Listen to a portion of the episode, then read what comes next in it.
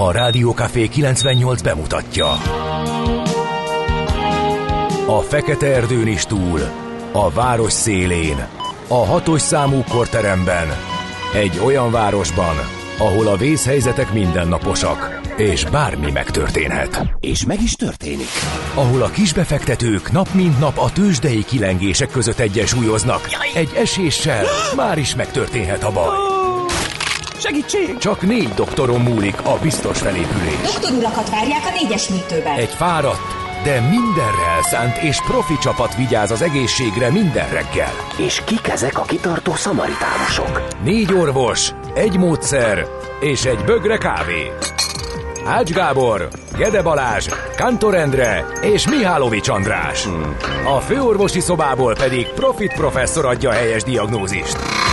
Humor, emberi sorsok, közönséges balesetek és profi megoldások. Néha sürgősségi, néha félig zárt osztály. A Gazdasági Muppet Show minden hétköznap reggel. Te is figyelj! Neked is írjuk a receptet. De miért? Ha nincs pénzed azért, ha megvan, akkor pedig azért. Millás reggeli. Egy kis kanállal minden reggel, és minden rendben lesz. A Millás reggeli főtámogatója a Schiller Flotta Kft. Schiller Flotta is rendtakár. A mobilitási megoldások szakértője a Schiller Autó tagja. Autók szeretettel. A Millás reggeli főtámogatója a Magyar Nemzeti Bank. Jó reggelt kívánunk, kedves hallgatók! Elindul a mai Millás reggeli, ez az idei évben már a harmadik, az idei év negyedik napján, mert hogy 2024. január 4-e van, reggel fél hét múlt egy perccel, itt vagyunk a Rádió Café 98.0-án Kántor Endrével. És Gede Balázsral. És 0636 980 980 az SMS, WhatsApp és a Viber számunk. Megnézzük, hogy vannak-e korán kelő hallgatók. Én a forgalom alapján megint azt láttam, hogy még mindig, és valószínűleg a hét már így telik el kicsit csendesebben. Tudod, hogy mit nem értek? Egy hm? csomó olyan ö, üzenetet kaptam, amikor így már a, évek alatt megtanultam, hogy a január első hete az olyan, hogy én belevetem magam a melóba, mert általában el kell kezdeni a műsort gyártani. Tehát az nem, hogy olyan, igen, hogy itt nincs megállás, nincs hogy megállás, majd... igen. És írkálok üzeneteket, és olyan válaszok jönnek, hogy tisztelt levélíró, Aha. és akkor jó, rendben van nyilván, de hogy január 4-ig, meg január 5-ig vagyok szabadságon. De hát január 4 az csütörtök, az ma van, tehát máig van szabadságon, és akkor csütörtök péntekre visszajön, vagy akkor miért nem vettek ki ezt a két maradék tapot? Minek ez a nem január, tudom. a legtöbb, a legtöbb választevület január 4-ig kaptam. Akkor csütörtökön visszamerészkedik, boldog új évet kíván Persze, a két napot meg, el lehet lődörögni, mert az már ugye, igen, az nem olyan, de a Szabiból viszont nem fogy. El tudom képzelni, hogy van ebbe egy nagyon Valami, komoly matematika. Ügyes, ügyes. Igen, ügyes, Jó, abszolút. Okay. Én nem is néztem a dátumokat, csak Én azt látom, lepattan. Többen uh, Automata válasz, oké, okay, köszi. Írtak. Uh, de kétségtelen, hogy még elég, elég csendes Kézu már írt egy reggeli Igen. szösszenetet a Viberen. Mérleg vagyok. Ma jöttem rá, hogy miért van némi lelki fék a rendszeremben. Szűz kéz nyer. Igen, ez egy félpercesként uh, dedikált. Rendben, köszönjük szépen. Szösszenet. Aztán azt nézem még, hogy van-e esetleg útinformációnk, Hmm, nem látom, úgyhogy majd még írjatok, legyetek kedvesek, amikor fölébredtek és hallgattok minket, és az utakat is pásztázzátok, vagy akár Előző évről megragadt szabikat vagytok. így lehet átvinni, írja Márk, de nem magyarázza meg, hogy az előző évről átragadt szabikat, akkor azt most miért erre, tehát miért pont negy, tehát a kérdés az, hogy egy hét van itt az új évkezdésben. Miért pont csütörtökön tér vissza Igen, a munkaerőpiacra? Az, újból, az újból már nem vesz ki kettőt, mert majd az jó lesz máskor, tehát ezt, ezt nem tudtuk megfejteni. Igen, ezt írja valaki, hogy, a, hogy a két napon maradtam múlt évről, és... Oh, na, igen. hát akkor, hoppá, nyomtam egy csészét jó, a igen, jó hallgatónak, így van. Uh, aha, jó, akkor, akkor értjük. Max öt napot lehet áthozni az előző évről.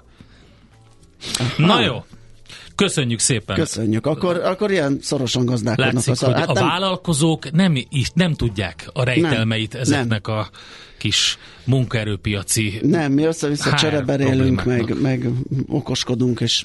Csak folytatólagosan lehet, nem lehet csúsztatni. Kész vége. Ezt is megtudtuk. Köszönjük szépen. Rengeteg um, rögtön üzenet jött, úgyhogy látszik, hogy azért termeljük mi ezt a GDP-t megpróbáljuk utolérni Kirgizisztánt, és sikerülni is fog.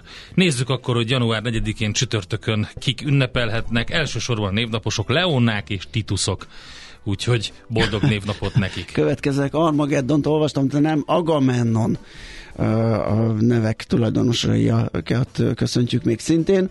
Az aggeusokat... Nos, komolyan, hogy lehet az, hogy mondjuk értem, hogy vannak ezek az új nyelvújító jellegű keresztnevek, amiket nem enged át a szigorú akadémia, ami nem is olyan szigorú, hiszen például az, hogy Agamemnon, az meg lehet? Ki az, aki Agamemnonnak nevezi gyermekét? Varga Agamemnon. De, vagy, jó. igen, Kovács. De van, egy, van egy nagyon gyakori uh, Szabó, Aga. Szabó, Ab, Szabó Agamemnon, igen. Tehát nem, nem lehetetlen, hogy egy ilyen klassz nevet kapjon a gyerek, de általában szerintem nagyon ritka. Na, és hát természetesen még van Ruth. Ruth. Ruth névnap is van ma. Na, az évfordulók közül megnézzük, Samuel Colt eladja első revolverét az Amerikai Egyesült Államok kormányának 1847-ben ezen a napon, január 4-én. És az, a hogy korabeli a... Lockheed Martin volt a Samuel Colt. Gondolj csak bele. Igen, igen, abszolút. És 1865-ben hogy ezen a napon, e, azt nem tudtam kinyomozni, valószínűleg kicsit többet foglalkoztam ezzel most itt reggel, mint e, amikor a súlya a dolognak, hogy a New Yorki tőzsde megnyitja első állandó székhelyét, a magyar wikibe, a kronológiába nem is gondolták fontosnak megemlíteni, viszont a, az NYC New Yorki tőzsde honlapján, ott van egy kis tőzsde történelem, ott benne van, hogy 1865-ben költöznek a Broad Streetre, de nincs az ott, hogy ez a mai napon történt volna. Úgyhogy, igen. Tehát az lett a Wall Street utána, nem? A, nem, a Broad Streetről el kellett költözni a Wall, St- Wall Streetre, azt hiszem a Wall Street-en is először a 40-ben, és most vannak a 11-en. Ja, értem. Ahogy nőtt a forgalom, uh-huh. a kereskedés, kinőtték a Broad Street-i uh-huh. ö, helyet, és utána kerültek át. Volt Valam, egy pár volt valami olyan sztori, hogy rövidíteni kellett a kábeleket. Azt nem tudom. Volt egy ilyen sztori a, a, a tőzsde történetében. Egyszer beszélgettünk róla, csak már nem emlékszem, de utána nézzek akkor. Jó. Egy újabb uh, patinás évszám 1947-ben ezen a napon Hamburgban megjelent a Der Spiegel folyóirat első száma. Gyakorlatilag Európa legnagyobb hírújságainak egyikéről van szó. A legolvasottabb uh, német uh, lap, és egyben a legbefolyásosabb Európában is. Hetente több mint egy millió példányszámban adják ki Hamburgban ahol a székház is van természetesen. Azt mondja, hogy a Spiegel online is egy izgi sztori, mert egyre nő a, nő a látogatottsága, folyamatosan az tudják mutatni. Havi szinten 5 millióan látogatják. Ezeknek a körülbelül 15-20 százalék a külföldi felhasználó, uh-huh. tehát nem csak a belpiacra gyártanak, és Spiegel TV is van már, úgyhogy egy óriási média karrier.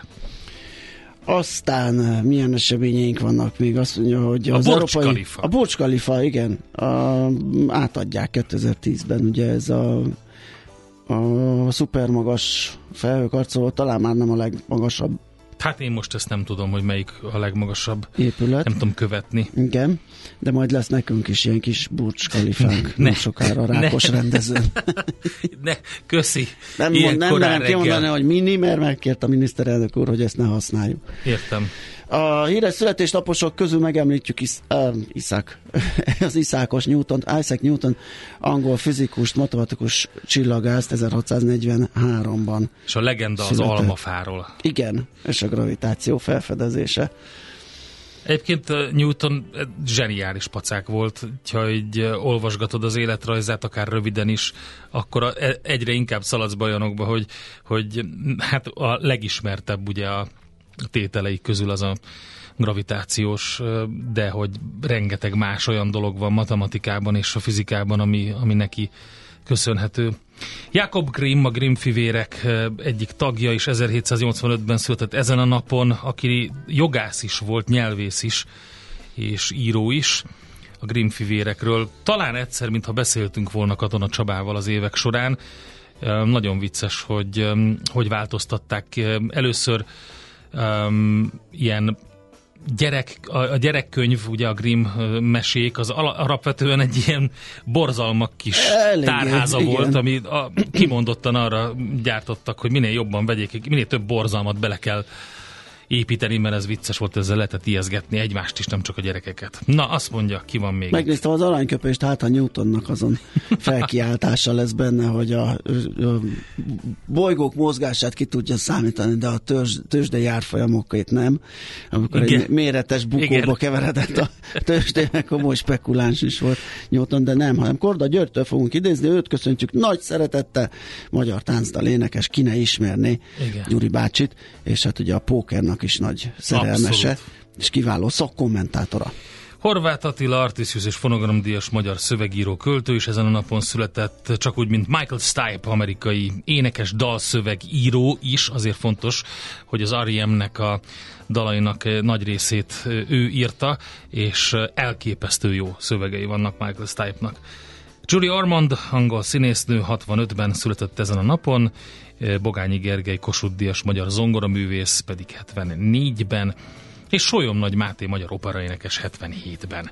Szerintem mindenki tudja, hogy most mi következik. Nem a reptér, hanem egy sokkal Ó, nagyobb jó. klasszikus Korda Györgyhöz kötődően, úgyhogy tessék csak hátradőlni, és azon gondolkodni, hogy az alap, a következő lap, az mi lesz. Nyugodjon meg, nekik azt mondtuk, maguk az őrültek. Millás reggeli Na nézzük, hogy uh, ki mit, mit ír egy Igen. ilyen remek pilu szerzemény után. Azt mondja, hogy uh, túljegyezték a magyar dollárkötvényt Na.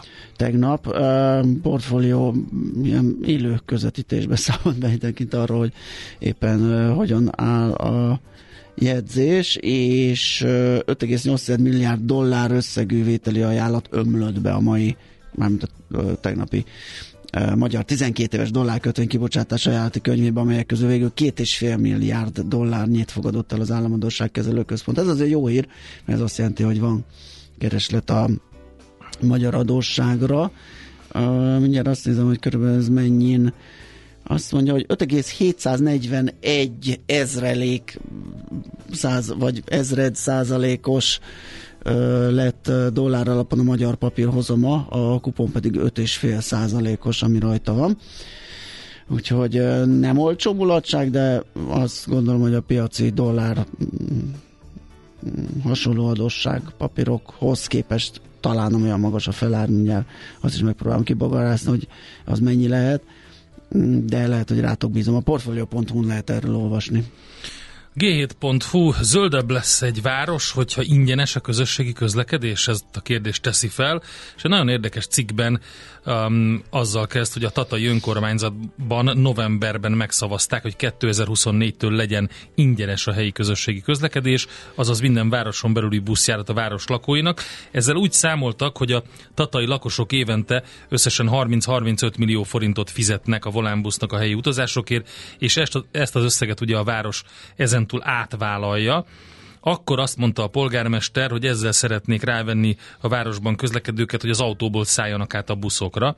Egyrészt ugye ez nem valósult meg, úgy, ahogy azt elképzelték, másrészt pedig, hogyha a nemzetközi tapasztalatokat és a szakirodalmat is megnézzük, akkor kiderül, hogy a célt sem lesz vele könnyű elérni, mert hogy az az alapprobléma, amivel nagyon sok helyen találkoztak, és a cikk végigvesz egy csomó várost, hogy például a Guardiannek egy cikkéből idézve, hogy a városlakók eddig évente körülbelül 40, euró, 40 millió eurót fizettek jegyekért és bérletekért, ez az összeg eltűnt a költségvetésből, ez a jegybevételek 90%-a volt, vagyis ezen túl marad durván 4,5 millió euró bevétel, és ez az, hogy közben ugye a feladvány az, a matek feladvány, hogy megnövekszik nagyon a helyi közlekedésnek a terhe, rögtön kellene fejleszteni infrastruktúrát és szolgáltatásokat, miközben elpárolog a bevételeknek a jelentős, tehát 90% fölötti része. Hogyan lehet ezt megoldani? Sok nemzetközi példa a G7 cikkében. Az Economics-ot olvasom, befagyasztják a világ legnagyobb gyémánt termelője az orosz Áróza hm. vagyonát.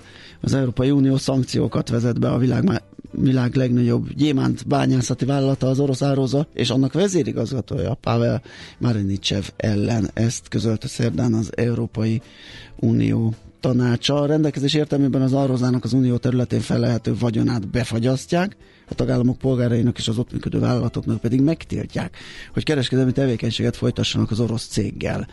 Ezen felül az Áróza vezérigazgatójával tavaly májusban kinevezett illetve igazgatójává tavaly májusban kinevezett Marini Csevet az EU területére vonatkozó beutazási tilalom hatája alá helyezték, és ottani vagyonát zárolták. Economics.hu Két Luke volt az, aki megmérkőzött, kérem szépen, a darts világbajnokságon. Ja, Nem követted, nagyon érdekes volt. Nem, sajnos. Mm, Humphreys, a csoda gyerek, hát Littlert legyőzve nyerte meg a darts világbajnokságot. A másik gyerek. A másik, a két, igen. Az 17 éves igen. ez a srác. A másik, ti, nem, 16, nem? Akit legyőzött. Igen, ja, igen, két, két, két, két, fiatal. Tini. Igen. Luke Humphreys nyerte Londonban igen. rendezett darts világbajnokságot, miután a döntőben 7-4-re legyőzte a sporták történetének legfiatalabb, Abszolút. még mindig csak 16 éves finalistáját Luke Littlert. Nagyon és kemény lehetett Nem látom a pitét sajnos, de majd valahol visszanézem.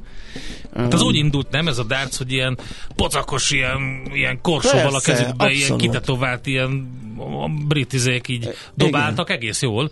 Persze. És akkor ez is hát a Feel the Power Taylor, ugye a mindenkori egyik legnagyobb, aki nem tudom, 16-18 as Ilyen gyűrött nyakúak. Igen, világbajnok, ő ilyen szanitergyárban ilyen WC-ket pakolt, és úgy járt át egy kocsmába dártoz, tehát egy tök klasszik külvárosi történet, ahol fölismert egy ilyen darts edző, azt onnan elindult a pályája, de hát igen, mindegyik ilyen kivart mintásra tetovált, Igen. nagy darab. Hát jó kis kocspa töltelékeket lehetett nézni, de ez azért változott az évek során. Ez egyébként a hvg.hu volt. A Telexen meg van egy másik érdekes, egy 13 éves srác lett az első, aki tényleg kipörgette a Tetriszt. Uh, Oklahoma-ban um, Willis Gibson um, lett az első ember, akinek sikerült tényleg végigvinnie, vagyis kifagyásig nyomnia a Nintendo legendás konzoljára, az NES-re 1989-ben kiadott Tetris-t, amire az elmúlt 34 évben csak egy kifejezetten erre megalkotott mesterséges intelligencia volt képes Tényleg. eddig. De mi annak van vége? Vagy le lehet rohasztani? Vagy hogy fejeződik az be? Hát Figyelj, az folyamatosan potyog a YouTube csatornáján tette közé Aha. azt, hogy játszik, és ő maga se hitte el, hogy sikerült neki a dolog. A, a, az, az NES-hez Tetris alapszavája és története, az ugye nem túl bonyolult játék, okkal hiheti bárki, hogy addig megy, amíg belem, belem telik a képernyő, de nem egészen ez a helyzet mert hogy a, a, a Nintendo-s verzióban a játékos minden tizedik letakarított sor után szintet lép, amivel 1-től 10-ig minden alkalommal egyre gyorsabb lesz a játék. Igen. Ezután pedig 13-as, 16-os, 19-es és 29-es szinten jön egy újabb ugrás. A 29-es szinten már annyira gyors a játék, hogy szinte képtelenség tartani vele az iramot, de vannak olyan technikák, amelyekkel a játékosok a versenyben tudnak maradni. Az egyik ilyen az, amit a korábbi nagyjátékos Thor Eklund is használt, vagy Eklund is állítása szerint a 90-es években eljutott a hivatalosan nem létező 30-as szintre. Úgyhogy hát el lehet olvasni a Telexen van egy nagy összefoglaló arról, hogy hogy lehet kifagyasztani a. Nintendo-s verziót. Valaki azt írja a legkevésbé nézhető sportok, a curling, sakk, darts. Ebből a sakkot nem szeretem nézni, a curlinget és a dartsot. A igen. curling az nagyon jó. Az rettenetesen az mennyire jó. a modern szóval éve satisfying, amikor ott igen. reszmődik előtte. igen, teljesen, és ott izgusz, ugye, és begyorsít a seprűjével, mert nagyon jó. nem túl nagyot és az egyik cipőjük csúszik, a másik meg nem, hát Igen. egyszerűen az, az csoda. Van egy magyar curling szövetség, és lehet járni is. Hogyne. Azt hiszem Béres Alexandra is Na tessék. nyomta egy darabig, nem most nem tudom, hogy hogy áll vele. Igen. Hogyne, komoly eredményekkel még hozzá. Na, azt szerintem ennyi volt a lapszemle, mert a tőzsdére nem maradt semmi időnk. Hol zárt? Hol nyit? Mi a sztori? Mit mutat a csárt? Piacok, árfolyamok, forgalom a világ vezető parketjein és Budapesten. A tőzsdei helyzetkép támogatója a Magyar Nemzeti Bank. Hát egyelőre nem lehet azt mondani, hogy veszett nagy pörgésen a Budapest értéktőzsdén. Ugye tegnap beszámoltunk arról, hogy tegnap előtt, tehát az első kereskedési napon 2 kal 2 os emelkedéssel fejezte be a kereskedést a Bux a tegnapi kereskedésben pedig 1% os csökkenése, tehát a két nap eredője egyelőre elég vékonyka. 60.685 pont lett az index vége zárásra. A vezető részvények közül emelkedni tudott a MOL 3 kal a Richter egy, mondom az árát is, 2828 forinton zárt a. A Richter 1%-kal emelkedett 8990-re, a Magyar Telekom az már esni tudott, csak 675 forintig, az OTP is csökkent 9%-kal 15605 forintra, és a kisebb papírokat felsorakoztató X-tenden Hát a Chameleon Home-nak volt egy jobb teljesítménye, 17%-kal emelkedett 175 forintra, a napenyerté másfél százalékkal 976 forintra, és körülbelül ennyi a csoda. A Gloster eset 2,9%-kal 952-re, de a legnagyobbat a Navigátor perecelt 14,8%-kal 61 forintra. Érdekes volt az amerikai tőzsde is, mert a Fed Minutes ugye kijött, az. és ez a Fed jegyzőkönyv, és a utáni, utána lévő sajtótájékoztató, és ugye ők azt mondták, hogy hogy tehát megerősítették a korábbi várakozásokat, viszont azt mondták, hogy, hogy mikor jön a, a vágás majd, a kamatvágás, az bizonytalan. Tehát, hogy és a, továbbra az emelés... adatvezéreltség van, tehát tulajdonképpen megint lehet izgulni, amilyen adat jön, majd úgy fog pattanni a tőzsde föl, vagy le, vagy Igen, tehát hogy az emelés a, a, annak vége, az biztos, de hogy majd csökkenteni, mikor fognak, az majd kiderül, ha na, hát ez elbizonytalanította a piacokat, lett is belőle egy 1 százalék körüli mínusz a nagy indexeknél, az S&P 0,8 százalékos mínusz, a Dow Jones 0,8%, szintén a Nasdaq 1,2 százalékos mínusz, a Russell 2000-es viszont nagyobbat esett, ott a közepes kapitalizációjú papírok vannak, 3,3%-os mínuszt hozott össze. Európában is lejtmenet volt a FUCI fél százalék, a DAX 1,4, a Kakkaron 1,6, az Euronext 100-as 1 százalékos mínusz, és hogyha Ázsiában körülnézünk, akkor azt látjuk, hogy mit láttunk Ázsiában, de jó lenne, hogyha ez most friss lenne. Igen, hát ott is mínuszok vannak. A Hang Seng majdnem 1%-os mínuszban, a Shanghai Composite is, a Shenzhen Index is 1%-os mínuszban, a Nikkei 0,6%-os mínuszban. Ami érdekes volt papír szinten, az például a Sophie Technologies, ott volt egy leminősítés, meg egy profit warning, azt mondták, hogy akár 20%-kal is csökkenhet. Erre eléggé durván beadták, ott is volt a az első öt legnagyobb volumenben kereskedett papír között 14%-os minusszal, a Tesla 4%-os minusszal az élen, a Marathon Digital 2%-os plusszal utána, utána jön a Sophie, az AMD 2,4%-os minusszal, és a NIO Auto 1%-os plusszal az ötödik helyen, trendelt még az Eli Lilly, 4,3%-os pluszt hoztak össze, a PayPal viszont majdnem 5%-kal csökkent, csak úgy, mint a bitcoin dollár, ott 4,6%-os mínusz volt, úgyhogy így indulunk a következő kereskedési napra. Tőzsdei helyzetkép hangzott el a Millás reggeliben. Tőzsdei helyzetkép hangzott el a Magyar Nemzeti Bank támogatásával. És itt a Svit Andi. Szia, jó reggelt. Boldog, új évet, Andika. Jó reggelt. Mi a helyzet? Nektek is. Még nem tudod. Még... Figyelj, ő is azok közé tartozik, akik negyedikén térnek vissza a munkavilágába, de csak nézelődnek. Abszolút, igen. Figyelj, sokkot kaptam Ugye? ma reggel, de Ugye? tegnap még harkányban, a ne. szaunában hát, melegettem, és Ó, nehéz, nehéz, nehéz, nehéz. Pont azt mondtam itt kín, hogy két hét alatt szerintem egyszer se keltem kilenc előtt. Uh-huh. Úgyhogy a mai félhatos... Ma igen, ez erős, mi ezt már megértük, én legalábbis másodikán, én már harmadjára jövök, és a kezdésnek egy kicsit sűrű lett, megmondom. De, de nem baj, mert uh, csak két nap van. Tehát nem Aha. hétfővel indult legalább. Úgyhogy mindig... Logikus. Igen. Úgyhogy simán kivérjük. Na, megnézzük akkor az első hírösszeállítást. Okay. A mai világban könnyen félrevezetnek a csoda doktorok és a hihetetlen megoldások. Az eredmény? Hája pocim marad, a fej még mindig tar, a profit meg az ablakban. De már is segítenek a legjobb orvosok. Doktor megelégedés, doktor higgadság, doktor vidámság és doktor nyugalom. Doktor úr, ennek össze-visszaver a GDP-je, a pulcosa meg egy csökkenő gyertya. Két végéről égette. Ezt visszakalapáljuk, és olyan hozamgörbénk lesz, amilyet még dr. Alonso Mózdi sem látott. Millás reggeli. A gazdasági Muppet Show. Figyelem! Fogyasztása függőséget okoz. A Millás reggeli főtámogatója a Schiller Flotta Kft. Schiller Flotta is rendtakár. A mobilitási megoldások szakértője a Schiller Autó tagja. Autók szeretettel. A Millás reggeli főtámogatója a Magyar Nemzeti Bank. Jó reggelt kívánunk, kedves hallgatók, ez a Millás reggeli. Továbbra is, itt a Rádió Café 98.0-án 2024. január 4-e van, és 7 óra múlt 9 perccel itt van Kántor Endre. És Gede Balázs.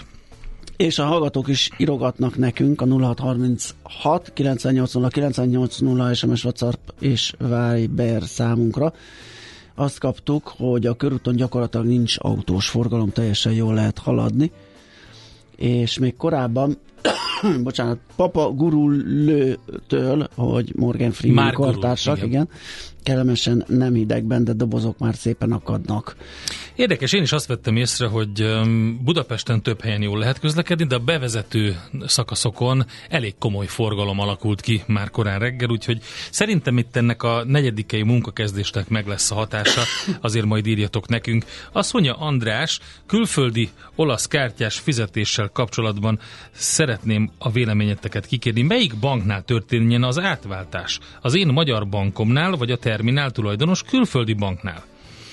Jól tudom ugye, hogy ezt ki kell jelölni külföldi kártyás fizetésnél a terminálon mondja. Hát a készpénzfelvételnél tudod kijelölni legtöbbször, ha olyan a maga az ATM, az nem mindig csinálja szerintem.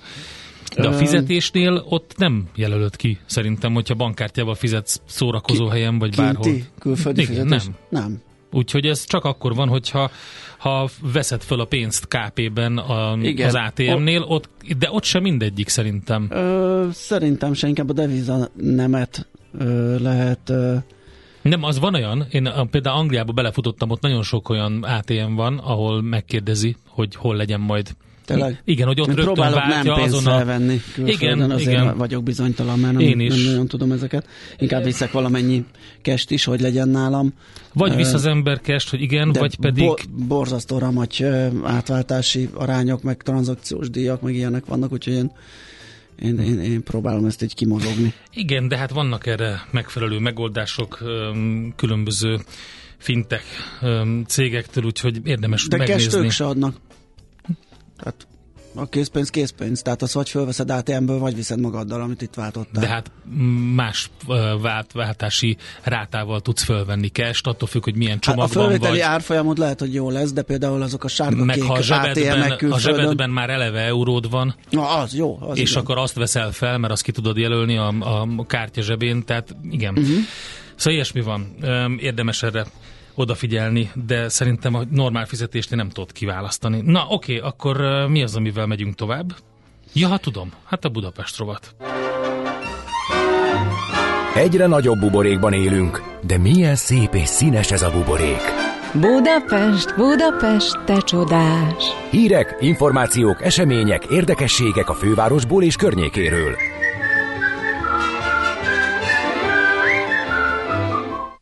Na nézzük. Milyen infoink vannak. Taxis és buszsáv hát- ellenőrzés adatok jöttek a 23-as BKK-tól. évről. A 23-as évből, így van. Negyedik évadja zárult a Budapesti Rendőrfőkapitányság és a Budapesti Közlekedési Központ stratégiai együttműködésében megvalósuló buszsáv ellenőrzési akcióinak. A rendőröknek tavaly fél ezerszer kellett szabálytalan használat miatt intézkedni, hát mondjuk 500-szor az ügy egyszerűbb mondani. A BKK és a BRFK együttműködése ezen túl magában foglalja a kiemelt járat és a taxi ellenőrzéseket is. A tavalyi mérleg összesen csak nem 30 millió forintnyi bírság. Hát az szép. Hogyha megnézzük az akciót, akkor ennek keretében tavaly 23-szor szerveztek buszsáv ellenőrzést, ez alatt 500 szor intézkedtek, tehát kicsit több mint 500-szor a szabálytalan használat miatt. Azt én is észrevettem, hogy nagyon sokszor em, nem veszik figyelembe a buszsávot. Egyébként pedig a BKK járatokat ö, 46-szor em, ellenőrizték, ez alatt csak nem 1150 járművet, illetve majdnem 3000 személyt ellenőriztek. Taxisokat is 25-ször nézték, taxi szolgáltatás ellenőrzést, ez alatt 2500 járművet és 2600 személyt ellenőriztek, így jöttek össze ezek a bírságok. Úgyhogy ezek közül 70 szemét elfogtak, 36-ot előállítottak.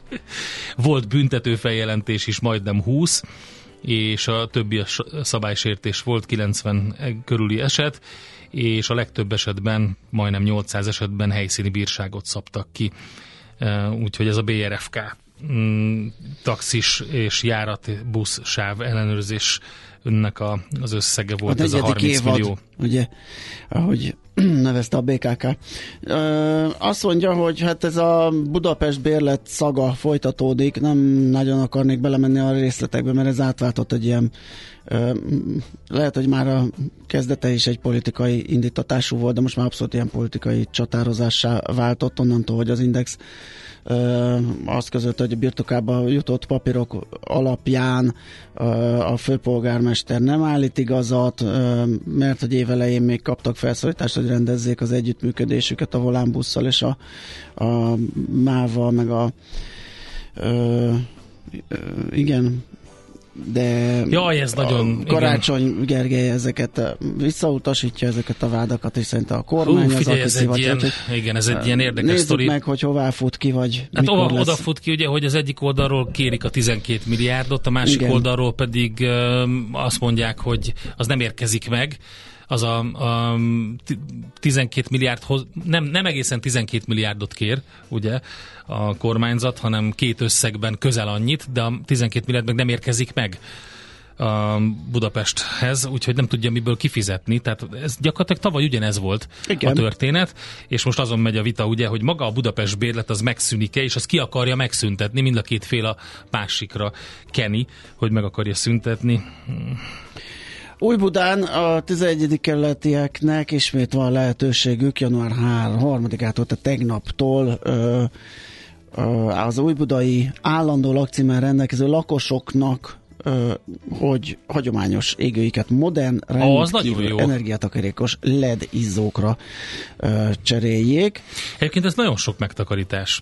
Hogyha megnézed, hogy, hogy a normál csak 60 wattos, persze, csak hogy ez te, abszolút rögtön látszik a, az áramszámlán. Igen.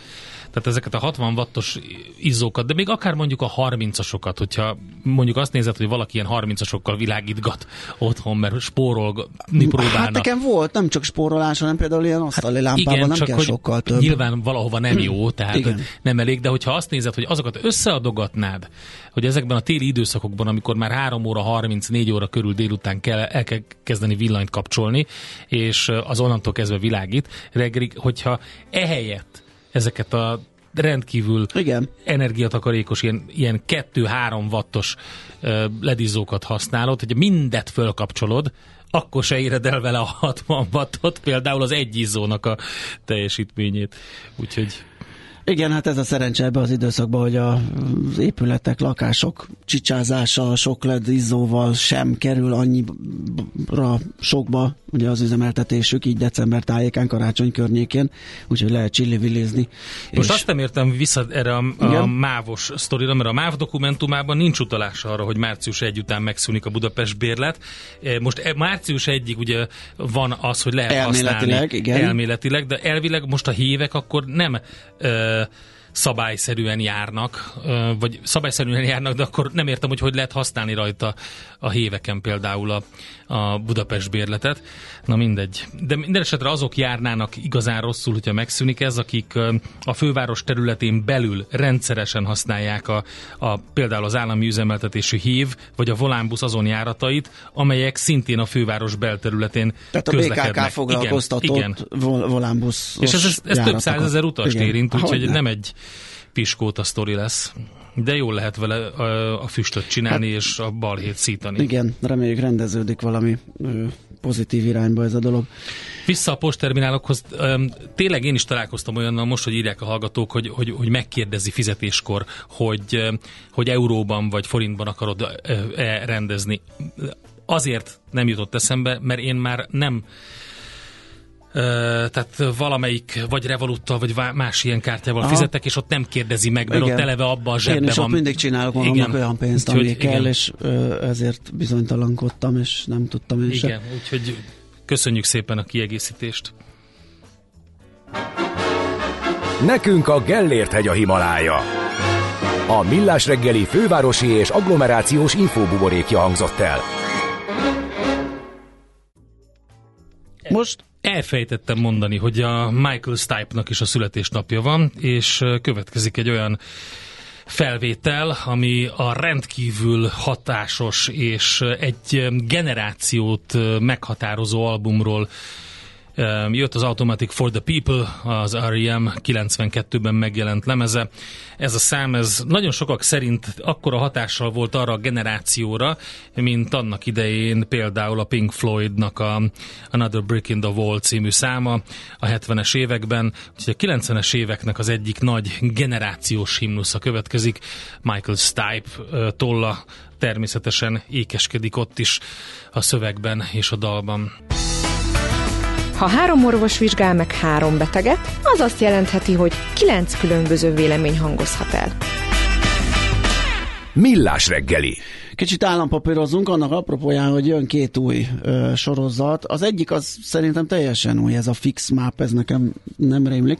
A másik pedig egy ö, ö, másik futamidejű bónusz magyar állampapír, a B-Map az már volt korábban is, és van nekünk egy házi ö, állampapír gurunk Ács Gábor személybe. Őt hívtuk fel ma reggel. Szia! Sziasztok, jó reggelt! Mit kell tudni? a zenét. Gondoltam, hogy neked tetszeni fog. Igen. Figyelj, szerintem az egyik világ egyik legjobb uh, zenekara volt, aki még abba hagyni is tudták tisztességesen, mikor már nem érezték úgy, hogy lenne bennük szufla. Gondolom, hogy a Michael Stipe szülinapja alkalmából, ugye? Igen, és hát, az Automatic for the People lemez az Igen. egy nagyon fontos. Három, pe- három percünk maradt az állampapírban. szóval, legfontosabb kérdés. Jött ez a kettő új, ez mennyire írja át a, a mostani, vagy az elő korábbi gondolatokat. Nagyon sokan ugye a nagyon klassz infláció követőben ülnek még, ugye a következő fordulóig, illetve hát, hogy a következő utáni, mert a következő az most van januárban, de utána még, még egyet fordul, ami jó lesz. De hogy utána melyiket válasszuk, vagy majd vár, már korábban érdemes átgondolni, vagy hogy? Hát aki benne ül, annak semmit nem kell csinálni, az teljesen biztos. A, a nagy változás az, hogy most nem egyértelmű, hogy melyik lesz a legjobb, és próbálnak sok alternatívát fölajánlani, amelyeknek hát a hozamuk azok attól függően, hogy éppen az infláció meg a kamatszint hogyan alakul, eléggé közel lesz egymáshoz. Ugye egészen tavaly novemberig volt az infláció követő állampapír, és nem volt semmiféle kérdés. Igazából tök egyértelmű volt, hogy az egy kimagasló hozamot adó papír lesz, hogy azt kell venni. Tudtuk az infláció alapján a következő két évre elég jól megbecsülhető volt a fizetendő kamat.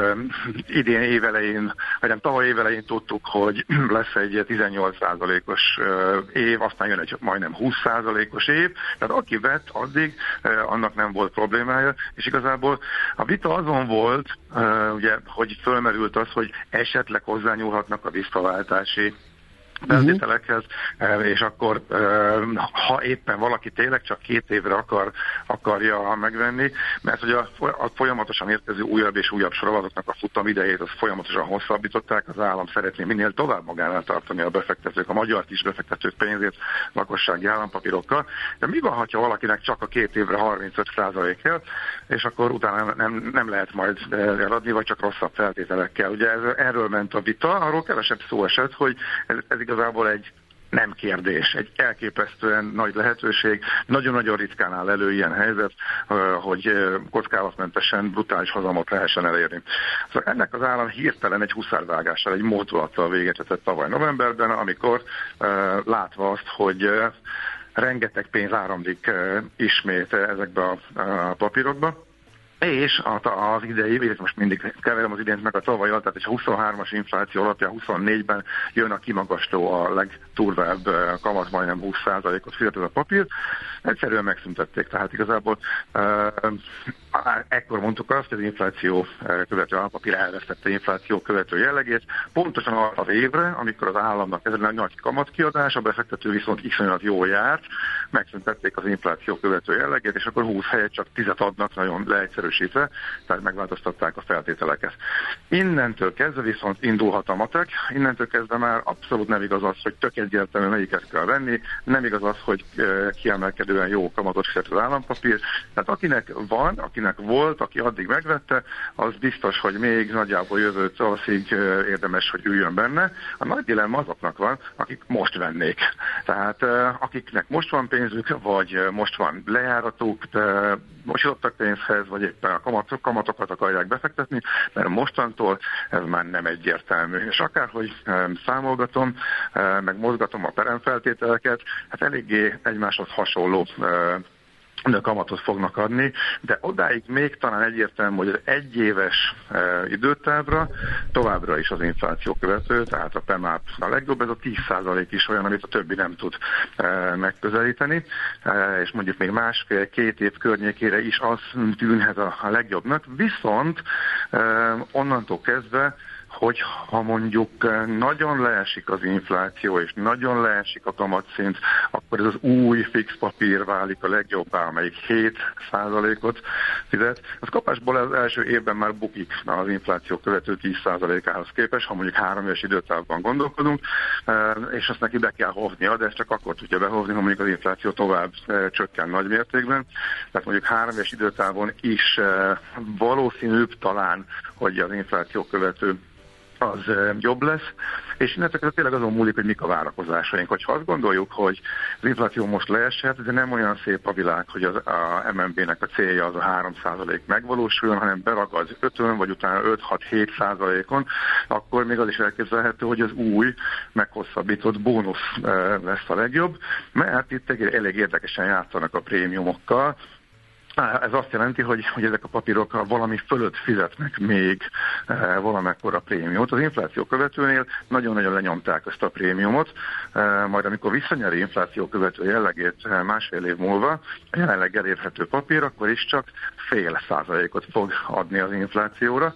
Ellenben például az új bónusz, amit e, most ugye 5 éves futamidőre is kibocsátottak, az más felett, az utolsó két évben pedig két és felett. Tehát mondjuk három és öt év közötti időtávon. Az infláció követő az minimálisat fog adni az infláció fölött, miközben a bónusza, diszkont kincstárjegyek, tehát a rövid magyar állampapírok fölött két és fél százalékot fognak adni, és az nehezen elképzelhető, hogy, hogy mondjuk annyival alacsonyabb legyen a rövid magyar állampapíroknak a hozam szintje, mint a, az infláció, hogy mondjuk ne a bónusz fizessen többet. Viszont miután az első évben azért ezzel a fix 10%-kal, közel 10% is előnyt szerez e, az infláció követő, ezért mondom azt, hogy valószínűleg, hogyha a jelenlegi piaci várakozások érvényesülnek, és lassan tovább csökken az infláció, kicsit még lejjebb mennek a kamatszintek, akkor eléggé hasonló e, kamatok jönnek ki. De mondom, valakinek van egy markáns várakozása, valaki nem annyira bízik abban, hogy itt a dolgok jó irányba mennek, és fölpattanhat az infláció, infláció, vagy magasabban ragadhatnak be a e, magyar rövid hozamok is, hát akkor viszont most a bónusz például vonzóbbnak tűnhet már az új bónusz, az öt éves bónusz, mint mondjuk egy infláció követő, hogyha öt évről beszélünk. De mondom, ez már régen nem az, ami eddig volt, az infláció követő mióta lebutították és megváltoztatták a konstrukciót, azóta már tök, tök, teljesen nem egyértelmű, hogy az lesz igazából a legjobb. Az első két évre tűnik annak, de akkor sem fog annyival nyerni, mint korábban láttuk ugye a novemberi lebutításig, úgyhogy most próbálnak olyan papírokat kibocsátani, amelyek ilyen apró igényekre, hogy kicsit optimista vagyok, kicsit pessimista vagyok mondjuk a magyar gazdasággal kapcsolatban, változó eredményt hoznak, hogy melyik lesz a jobb. Úgyhogy a habzsidőzsinek vége, azon túl vagyunk, és akkor most nagyon-nagyon nehéz megmondani, hogy melyikkel járunk majd jobban a következő években. Mondom, ilyen apró nüanszok vannak, és mondom a saját optimizmusunk és pessimizmusunk alapján érdemes választani, illetve leginkább aki most vesz, az már a legjobb, hogyha megosztja a pénzét, és most már a bónusz, ugye eddig nem is beszéltem róla, én sem sosem, mert teljesen egyértelmű volt, hogy messze-messze a prémium, tehát az infláció követő alatt lesz a kamata, de most érdemes ismét foglalkozni vele, és főleg a hosszabb időtávokon, tehát a három és öt év között az jobb lehet mondjuk az infláció követőnél, legalábbis én most ezt számolgattam a friss kondíciók alapján. Jó, hát nyilván lesznek még tapasztalatok ezzel kapcsolatban. Meg hát folyamatosan figyelni kell, hogy mindig az adott pillanatban persze. érvényesek ezek a az állítások, hogyha uh-huh. változik valami, akkor újra kell hangolni Igen, az egészet. Ez a mostani. Igen. Aki most teszi be a pénzét, az ilyenabokra vonatkozik. Akinek, az... Aki bennül a prémiumban, az üljön, ameddig tud, tehát az biztos, hogy vagy legalábbis a, a jövő évi kamatfizetésig biztosan, Igen. és utána lehet majd egy új helyzet. Így van. Okay, az, aki nem várja ki a, vagyis ha ne, igen, ha nem várja ki a futamidő végét, és közben eladja, és vesz kedvezőbb kamatozású állampapírt, az megérheti-e? Ugye itt kell számolni ezzel az egy százalékkal, hogy uh-huh. a visszaváltási költség. Igen. Uh-huh. Tehát amikor azt mondom, hogy egy évre még mindig a prémium jó, akkor ez a számoltam, tehát mondjuk a 9-9 helyett 8-9, tehát én a most érvényes visszaváltási árfolyammal számoltam, ezt többször is kőbevésték, hogy nem fog változni, úgyhogy uh, most, ami bent vannak a kincstárban, mhm. kincstár, diszkont kincstárjegyek rövidebb lejáratóak van, itt például 24 év végé, az, az, se, az is csak 6-2-t fizet meg, így, így meg ilyeneket, tehát még a bünti 1%-kal is jobb, akkor egy pemápot, van, új pemápot ezt, ezt beleszámítva. Uh-huh. Sőt, van kimondottan egy éves állampapír is lakossági, annak most viszik le a, kamatát 8-ról 6 és félre. Ha valaki tényleg tart attól, hogy megemelik, eh, annak most van ez a párnapos időtáv, hogy ez jövő héten élejébb be a változás, akkor addig az egyéves még fix 8-on meg lehet venni, ez egy, ez egy olyan állampapír, amiről azért nem beszéltem, mert nem lesz jelentősége, de ha valaki tényleg tart attól, hogy megemelik majd, és tudja, hogy kb. egy év múlva lesz pénz, akkor most még 8% os az egyéves állampapír. Eh, De az új, új PMAP is kijön 8-ra, hogyha 2 százalékra emelést vár valaki, ami azért nagyon Így sok lenne szerintem, és Igen. ha emelés is lesz, nem hiszem, hogy ez, ez uh-huh. ezt meghaladja, úgyhogy még mindig nyerő Bárki lehet. Bárki szakértővel beszéltem, mindenki azt mondja, hogy ezt az állam nem kockáztathatja meg. Biztos, hogy nem, mert ez, ez, ez is egyfajta bizalomvesztés, hogy menet közben uh-huh. megpiszkálni a, a feltételeket, tehát ez, ez egy veszélyes játék játék. Rendben. Igen. Gábor, köszönjük szépen a hallgatók nevében is. Okay. További jó Nincs, miért igyekeztem. pihenést és repényvadászatot. Oké, okay. okay. szevasz. Ács Gáborral, a mi házi állampapír gurunkkal beszéltük át az új sorozatok fényében, hogy hova érdemes most pénzt tenni. Nézzük meg, hogy a napköziben mi lesz, mit ajánlanak, addig átolvasgatjuk az üzeneteket, utána jövünk majd vissza, és... A napköziben az a mézes vajas kenyér lesz, az, az meg volt, te kaptál olyat? Igen. Az összekeverték, és Igen. akkor egy ilyen édes az finom le. volt. A, nekünk akkor finom volt, most nem biztos, hogy megmerném kóstolni. Miért? Azt akkor igen, az, Jó az volt volt a az. szocialista nutella. A csalás nem vészel, csak átalakul. Napjaink átverései a digitális térbe költöztek. Kis odafigyeléssel ezek jó része elkerülhető, a többire pedig lehet készülni. Erős jelszavak, kétfaktoros és biometrikus azonosítás, adatvédelem. De a nulladik faktor a tudatosság. Ne feledd, a csalás nem vészel, csak átalakul. Nulladik faktor. A Millás reggeli digitális biztonsági rovata következik. A rovat támogatója a digitális világunk biztonságáért dolgozó Mastercard.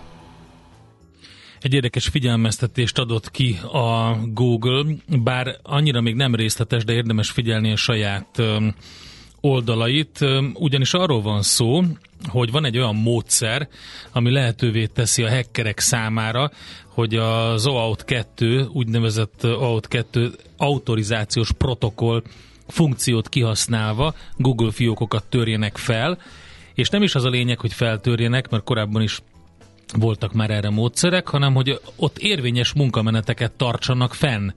Újra generálják a kukikat, úgyis, hogy az IP cím vagy a jelszó visszaállítása megtörtént. Tehát most tök mindegy, hogy, hogy te ezt megtetted. Um, a, a maga a session az, az, az, az továbbra is él, és fenn van tartva a munkamenet, és továbbra is ki tudják használni magát a magát a Google fiókot, és akkor hozzáférnek mindenhez, ami ott van, nem csak a levelezéshez, uh-huh. hanem az összes többihöz. Ezt lehetett olvasni a Cyber News oldalon, illetve volt egy nagyon érdekes bejegyzés erről a Cyber Threat Report Facebook csoportban, és hát több mindent javasoltak erre a Google-nél, hogy hogy lehet megoldani. Azért, mert sok mindenkit érint, azért fontos ezt elmondani. Tehát akinél például be van kapcsolva az, hogy folyamatosan mentse a bejelentkezési adatokat a browser, és úgy használja a Google fiókjait, nagyon ritkán jelentkezik ki meg be, és mindenfélére rákattint, azoknál lehet ez problémás. Van rá több módszer, hogy hogyan lehet ezt kikerülni. Például egy másik böngésző az, amin böngészünk az interneteken, mint az, amiben meg van nyitva például a Google accountunk és a levelezésünk és a minden. Uh-huh. Tehát az egy, egy külön böngésző, Igen. és egy tök másik, nem külön fülről van szó most, hanem Aha. egy teljesen másik böngésző, és egy másikat használunk arra, hogy lehet, hogy olyan oldalra is elkeveredjünk, ami hát a fene tudja, hogy mennyire biztonságos, mert ez egy úgynevezett persistence attack, ami azt jelenti, hogy hogy onnan indul ki, hogy a, hogy a maga az, az elkövető valamilyen módon valahogy egy kódfuttatást tud a, a gépeden szerezni, főleg úgy, hogy valami olyan oldalra keveredsz el, ahol, ahol, ahol van valami olyan kód, ami, ami meg tudja mérgezni a gépedet. Minden esetre a lényeg a lényeg, hogy a Google azt javasolja, hogy ha bekapcsoljuk az Enhanced Safe Browsing funkciót, akkor az egy tök jó dolog.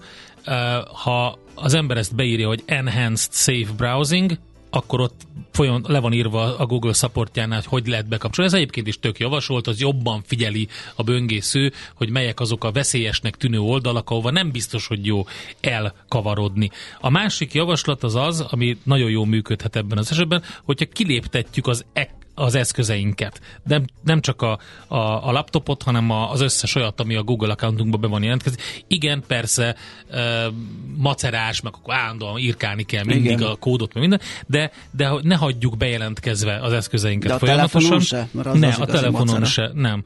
Ki kell, figyelj, időről időre ezt jó megcsinálni, és mm. egyébként is változtatni érdemes a jelszavakat. Tehát ugye a, a, az ellopott session már nem állítható vissza úgy.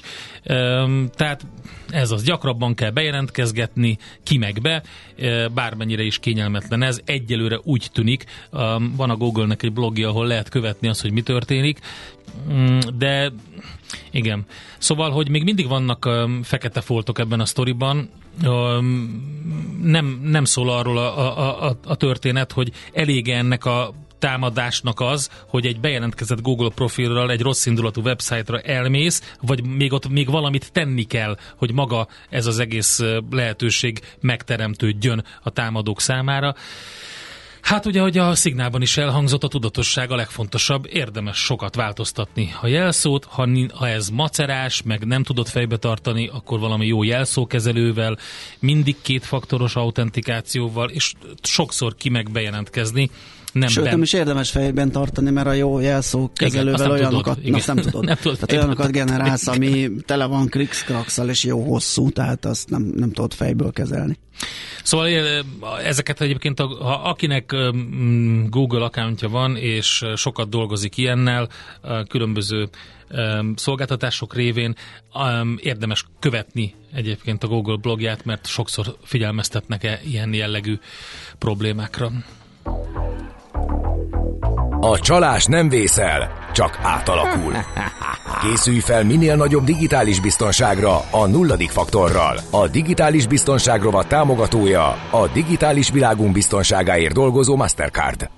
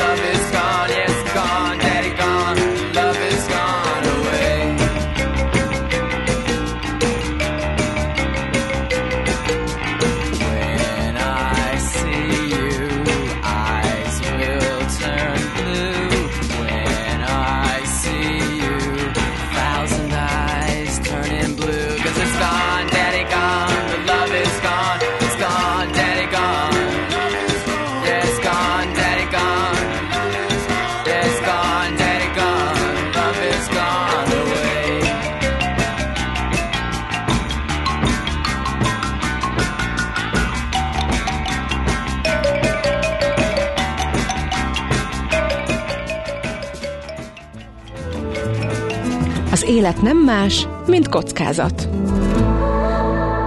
Millás reggeli. Na, megvizsgáljuk a lengyel példán keresztül, hogy mennyire mm, egyszerű dolog az orosz energiafüggőségről leválni, vagy egyáltalán lehet-e párhuzamot vonni, meg tudjuk-e mi is azt csinálni, amit ők. Jandó Zoltán a G7.hu újságírójával tesszük ezt. Szia, jó reggelt! Szia, jó reggelt, köszöntöm a És boldog új évet! Boldog új évet! Na nézzük a lengyel példát, hogy sikerült nekik, ugye ők már az energiakrízis, vagy az orosz-ukrán háború előtt elkezdték ezt a folyamatot. Üm, egyáltalán hol tartanak most, és másolható-e az számunkra, vagy mi is el tudnánk ezt végezni hasonlóképpen?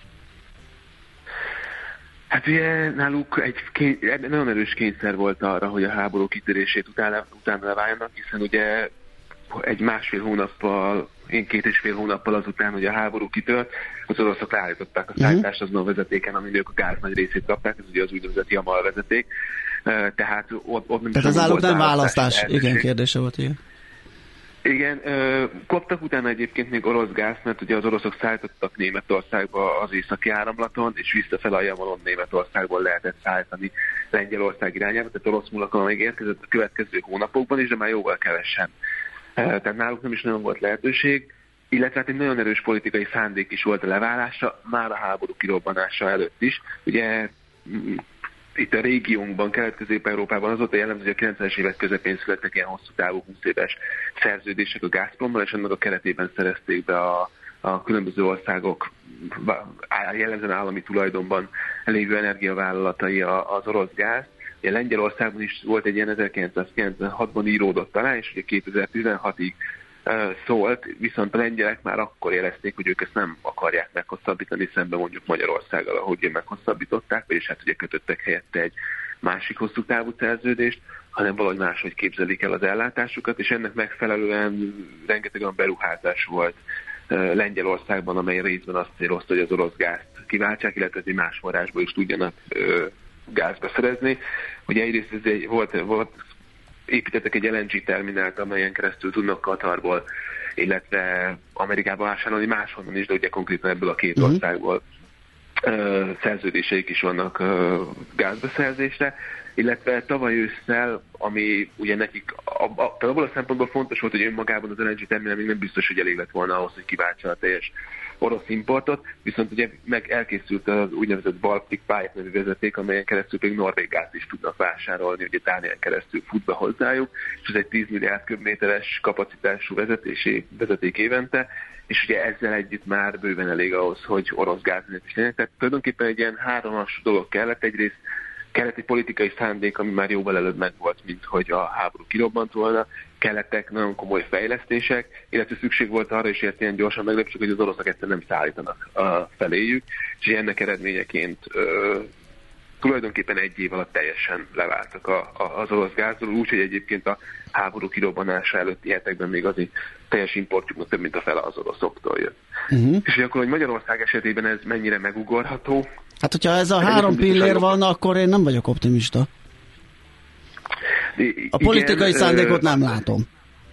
Igen, a politikai szándék az egyértelműen hiányzik, és valószínűleg ez a kulcs. Igen. Az biztos, hogy annál, annál egyszerűbb lenne, mint ahogy a, a magyar kormányzat állítja.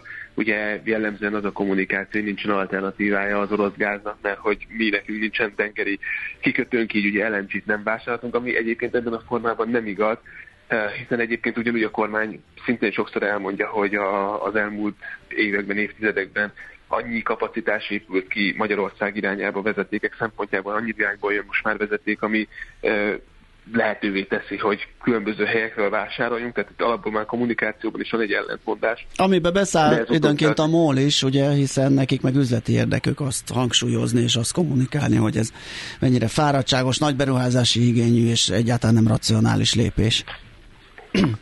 Igen, igen, egyébként a, ez a racionalitásra is lehet vitatkozni, de még visszakanyarodva a vezetékekre, elvileg, amiatt, hogy ugye most már Szlovénia kivételével mindenhonnan tudunk gázt, minden irányból tudunk gázt beszerezni, vagy érkezhet gáz Magyarországra, ezért elvileg nagyon-nagyon sok forrásból lehetne gáz beszerezni, és akkor itt érdemes átkanyarodni a, a üzleti logikára is, ami, ami ugye egyébként az elmúlt napokban is elhangzott, hogy nem üzletileg sem logikus leválni az orosz gázra. Én azt gondolom, szerintem tankönyv szerint az a logikus, hogyha minél több forrásból szerez be az ember és diversifikálja, azzal tudja csökkenteni a kockázatát. Ugye pont ezt látjuk, hogy ez nem történt meg, a molnál olaj szempontjából sem történt meg, illetve hát ugye Magyarország szempontjából gáz esetében, illetve a, az állami vállalat az MVM beszerzése esetében gáz esetében sem megfelelően történt meg, és annyira nagy az orosz kitettség, ami hogyha történik valami, mint ahogy ugye történt valami, akkor iszonyatosan nagy kockázatokat rejt. Tehát valószínűleg az lenne pont a logikus, és egyébként szerintem Európában ez zajlik,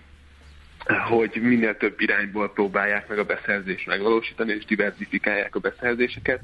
Ez nem jelenti azt, hogy az orosz gáz teljesen kiíródik a Európa életéből, csak nagyjából már a, a háború kezdete utáni hónapokban is a, a szakértők azt mondták, hogy olyan szintre fogják levinni a, az európai gázbeszerzéseket, hogy ne veszélyeztesse az ellátást. Hogyha, igen, tehát hogyha kiesik az orosz gázmennyiség, akkor, akkor, akkor azt lehessen még pótolni. Ez teljesen logikus, ezt már ugye Kínánál is megláttuk a világban, egészen más típusú ö, probléma, de ott is az ellátási láncok annyira rájuk épültek, hogy ott is, hogyha probléma van, ugye látszik, hogy, hogy micsoda bajt okoz. Tehát ez mindenhol egy negatívum, hogyha nincs elég diversifikált forrása ö, a beszerzésre, akár cégnek, akár államnak, akár kontinensnek.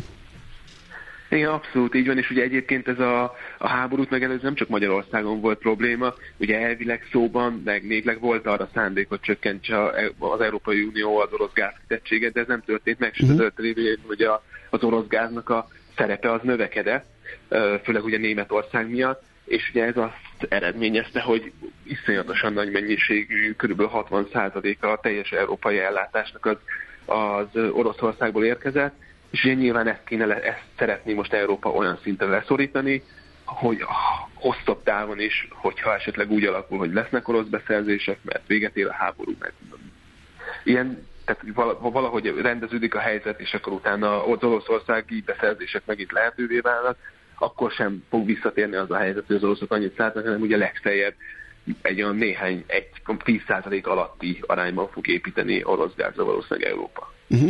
Akkor a végső konklúzió az, hogy a lehetőségeink meg lennének, de az akarat és a szándék hiányzik alapvetően? Valószínűleg a legfontosabb az az akarat és a szándék, azért a lehetőségeink, azt nem szabad elvitatni, hogy a lehetőségeink korlátozottak, tényleg, korlátozottabbak. Tényleg nincsen, ugye tengeri kikötőnk, ezt ugye tudjuk.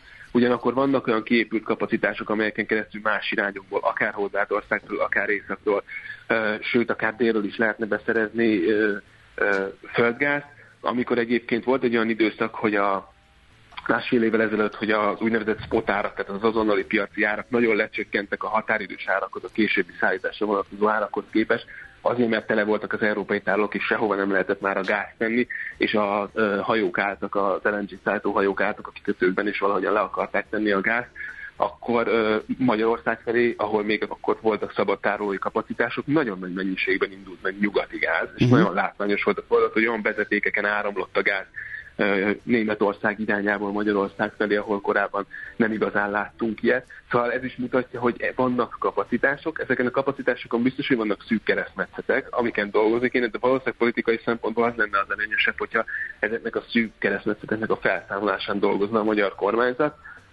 hiszen ugye ezek jellemzően az uniós pénzből megvalósuló beruházások, és ezért lenne érdemesebb inkább lobbizni, hogy ezek minél előbb megvalósuljanak, és azzal ugye lehetőség lenne kiváltani az orosz gázt, vagy legalább jobban diversifikálni a beszerzéseket. Egyébként ez a diversifikáció is megindult, tehát mert tavaly lehetett látni, hogy jóval több gáz érkezett uh-huh. Románia és Horvátország felől Magyarországra, ahonnan jellemzően azért nem orosz gázt veszünk. Világos. Oké, okay. Zoli, köszönjük szépen ezt a kis összefoglalót. Jó munkát, szép napot már neked! Köszönöm szépen, Szia. szép napot nektek is, sziasztok! Jandó Zoltánnal a G7.hu újságírójával beszélgettünk.